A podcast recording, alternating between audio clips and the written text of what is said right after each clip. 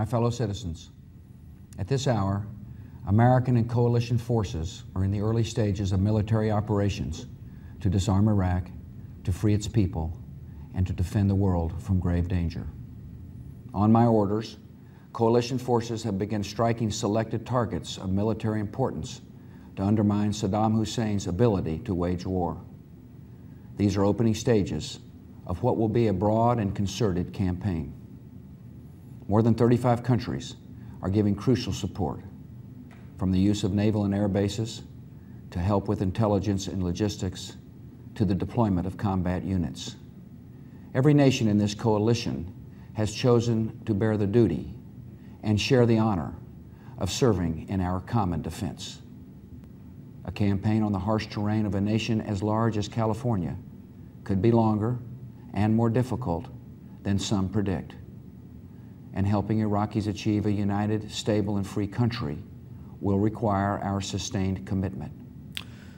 Je hoort president Bush in 2003, een paar jaar na de aanslagen van 9-11, waarin hij de start van de oorlog in Irak aankondigde. En afgelopen maandag was het natuurlijk 22 jaar na 9-11.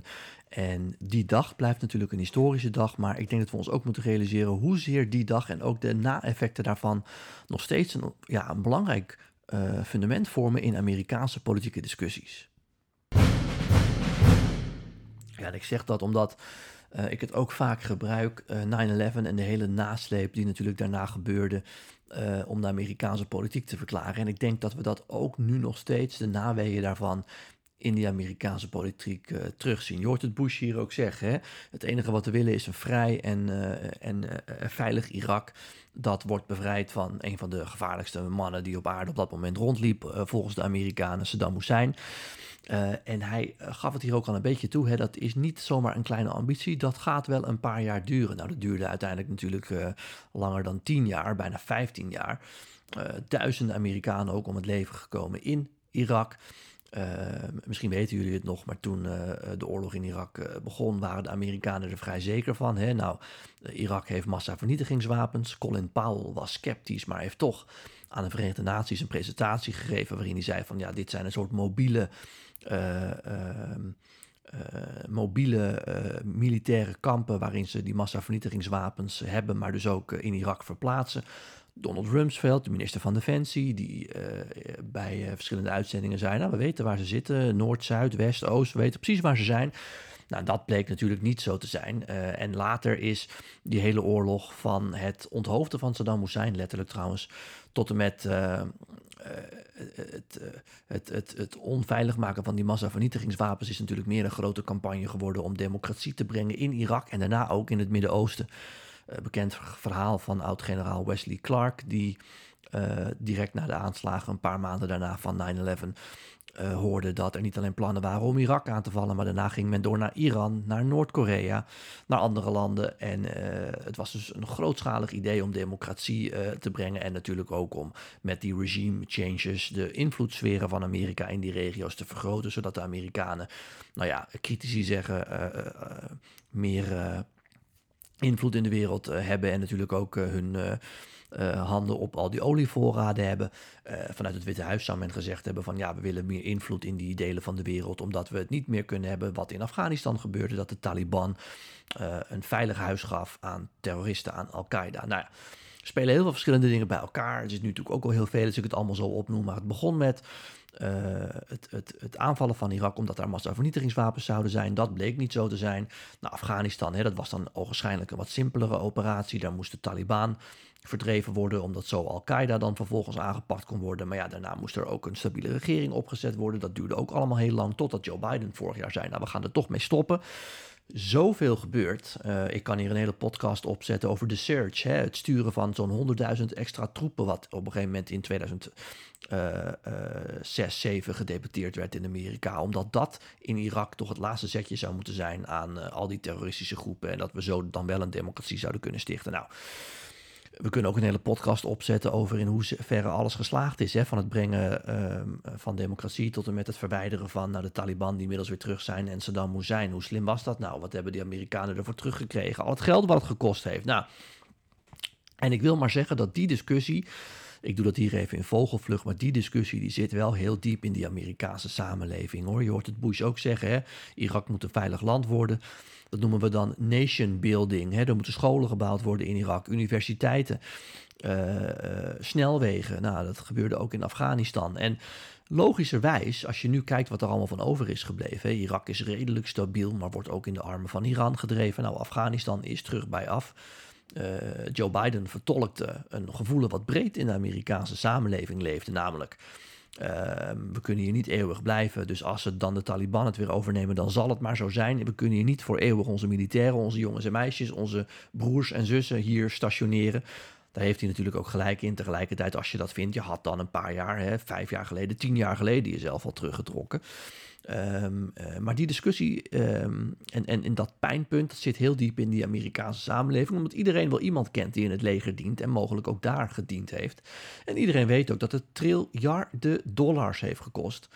Uh, wat er allemaal in uh, Irak en Afghanistan aan infrastructuur en andere praktijken is neergezet. Daar heb ik het nog niet eens over de militaire kosten.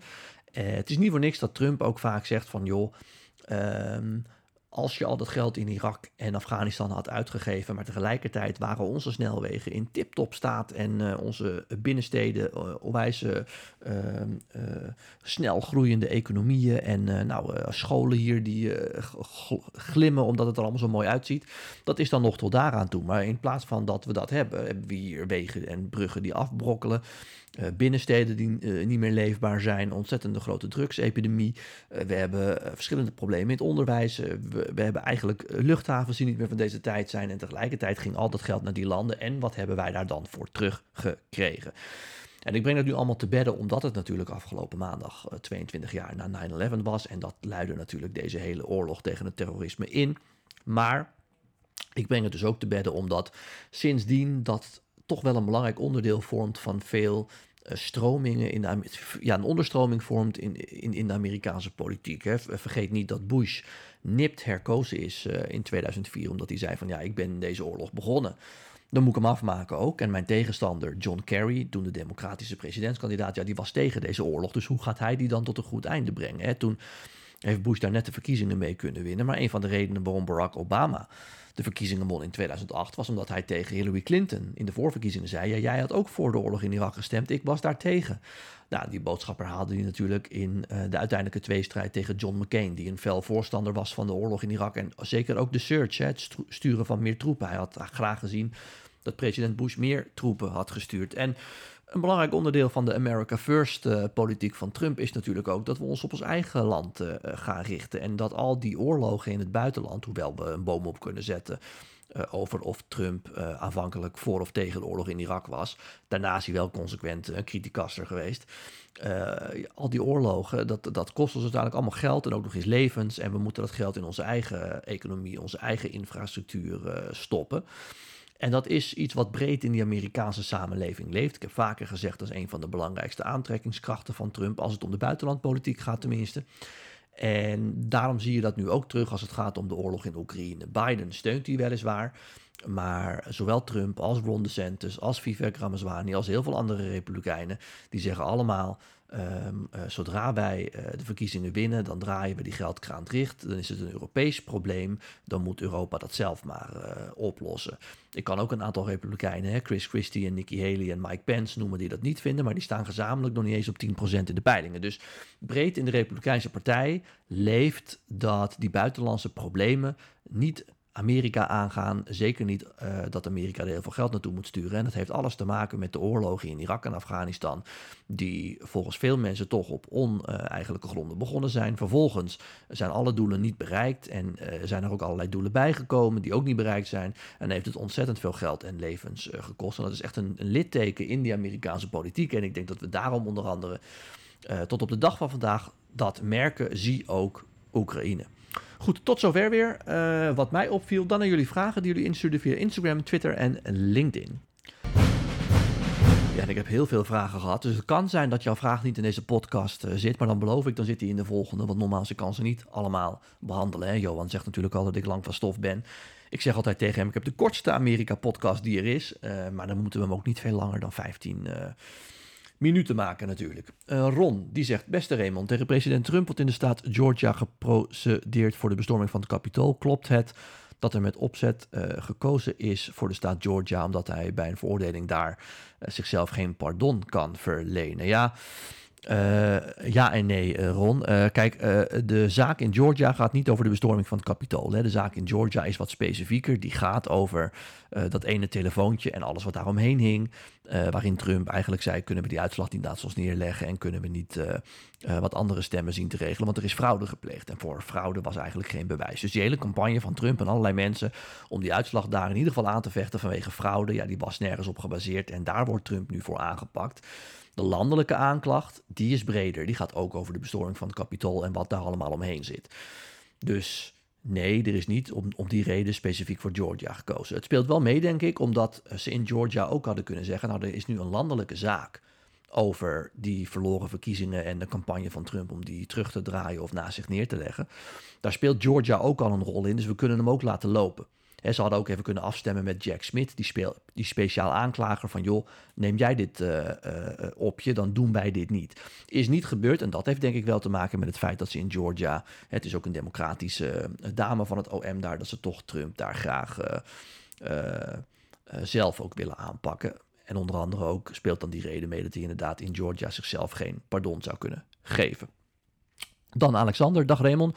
Zou er nog een derde onafhankelijke presidentskandidaat mee kunnen gaan doen, bijvoorbeeld Liz Cheney? En wat zou het effect kunnen zijn? Ja, Alexander, ik denk dat dat kan.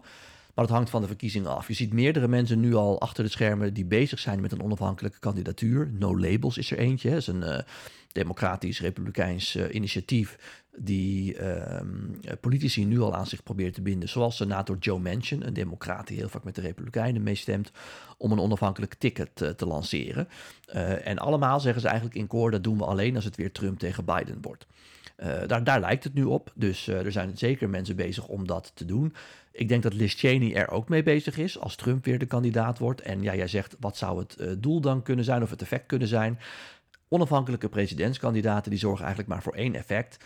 En dat is dat ze een spoiler zijn. Als ze heel veel linkse stemmers weten te trekken, zoals uh, Ralph Nader in 2000, dan maakt hij het voor Al Gore net onmogelijk om te winnen. Of Jill Stein in 2016 maakt het net onmogelijk voor Hillary Clinton om te winnen. En ja, dat geldt voor Liz Cheney ook. Daarom denk ik ook dat ze die kandidatuur op gaat zetten.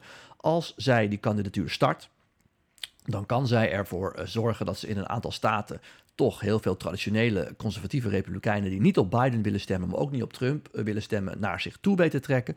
Ja, en dat zou er dan voor kunnen zorgen, want die komen natuurlijk vooral bij de Republikeinse partij vandaan dat Trump die verkiezingen nipt verliest, omdat hij, nou stel dat zij in uh, Georgia bijvoorbeeld 30.000 stemmen krijgt, die hadden anders naar Trump gegaan. En als Trump net op 10.000 stemmen verschil verliest van Biden, dan trekt ze dus die stemmen bij Trump weg. Dus ik denk dat er meerdere mensen bezig zijn met verschillende doelen, maar het doel moet altijd zijn uh, als onafhankelijke kandidaat dat je het probeert een van de twee kandidaten moeilijk te maken. Want winnen, dat is vrijwel onmogelijk. Als je wilt, kan ik daar nog een aparte podcast over maken. Dan Erik. Uh, die vraagt ook waarom een onafhankelijke partij nooit echt van de grond uh, komt. Uh, dus die neem ik meteen even mee. ja, dat komt dus omdat dat twee partijenstelsel, Erik, een muur vastzit. Amerika heeft een districtenstelsel, is de winner takes all. zodra je daar een derde, vierde, vijfde of zesde partij bij zet, die er overigens wel zijn, ja, daar, dan win je er eigenlijk niks mee, want dan kun je nooit genoeg stemmen halen om die verkiezingen te winnen. Uh, dan snoep je eigenlijk alleen maar van de ene of de andere partij af. En als jij links georiënteerd bijvoorbeeld bent, ja, dan ga je dat niet doen. Want dan weet je al, we maken Joe Biden of Hillary Clinton of iemand anders heel moeilijk. Uh, en dan geven we eigenlijk de sleutels van het Witte Huis aan Trump. Aan de Trumps uh, zijde geldt dat ook. Hè. Daarom denk ik dat Liz Cheney het wel gaat doen, want die wil graag Trump uit het Witte Huis houden. Maar anders, als je een beetje links of rechts georiënteerd bent, doe je dat niet. Zit je in het politieke midden in Amerika, ja, dan heb je een zwaar leven. Uh, er is meer, meerdere keer geprobeerd om een onafhankelijke campagne te starten. Zie de campagne van Ross Perot uit 1992, heb ik een eerdere podcast aangeweid. Die is toch mislukt en de les daarvan was... Uh, ja, je kunt nog tientallen miljoenen stemmen halen, zoals Ross Perot ook deed. Je eindigt nog steeds met nul kiesmannen. Dus het kiesmannensysteem zorgt ervoor dat je A of B, Coca-Cola of Pepsi moet kiezen. En dan Antonio, hoe groot is de kans dat het de Republikeinen lukt om Biden af te zetten? Ja, die uh, campagne is net gestart, hè, of dat onderzoek in ieder geval, naar een mogelijke afzetting. Ik denk niet dat, het, dat ze dat lukt. Er zijn te veel Republikeinen die uh, nog niks hebben gezien qua bewijs. Ik ook niet dat Joe Biden betrokken was bij schimmige deals. Uh, maar we moeten het zien. Uh, je weet het nooit. Het stinkt allemaal wel een beetje, dat zaakje. En ik denk dat uiteindelijk de conclusie zal zijn dat vooral Hunter Biden er een enorm zootje van heeft gemaakt. En ook de broer van president Biden. Daar heb ik ook in een eerdere podcast al het een en ander over gezegd. En dat zorgt er in ieder geval voor dat ja, Trump heeft juridische problemen, maar dat ook bij Biden heel veel kiezers zullen denken van ja, het stinkt daar ook een beetje. Dus potato, potato. Maar echt een afzet, het afzetten van Biden, ja, ik denk niet dat dat lukt.